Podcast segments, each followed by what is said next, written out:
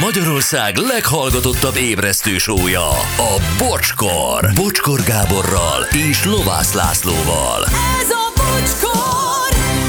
És 10 óra lesz 4 perc múlva, mindenki minden témára reagál, még az orosz oh. akcentusra is. Arra is. Sziasztok, Istenek, a néger rabszolgát jelent, Londonban kifiléznek, ha meghallják a szádból. Jók vagytok, csak így tovább.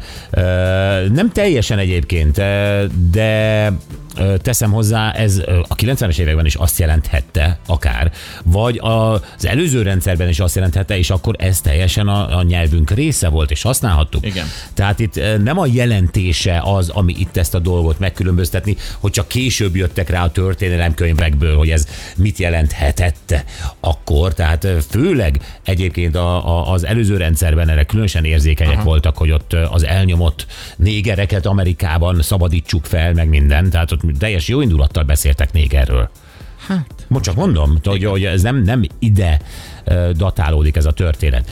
Tavaris Bocskor, das vidanya, hát ez, igen, Tonyó. Szerintem tartsuk magunkat ahhoz, hogy a szomszédokban mondták, senki ne öljön meg senkit. Hát ez szép. Köszönjük szépen, ezt eltesszük mára. Nagyon jól szórakoztam ma is veletek, szép napot, das vidanya Gábor, George Haru. Milyen jó, hogy régen nem volt ez a korrektség, akkor egy olyan fantasztikus karakter sem születhetett volna meg, mint El Bandi. Neki speciális kapcsolata volt a telt nőkkel. Ó, El az én példaképem. De Csodálom, hogy ezt még nem tiltották be világszerte a nagy pisziség jegyében. Egyébként igen. Na jó van, izgi volt. Izgi Jó volt. Ma, ma volt. voltunk mindenhol. Gyerekek. Igen. Most jön Nyerges Iza, és fogadjátok szeretettel. Ő visz benneteket bele a délutánba. Téged kivisz a délutánba, Anett. Még nem tudom, majd valakit kerítek. Hajrá!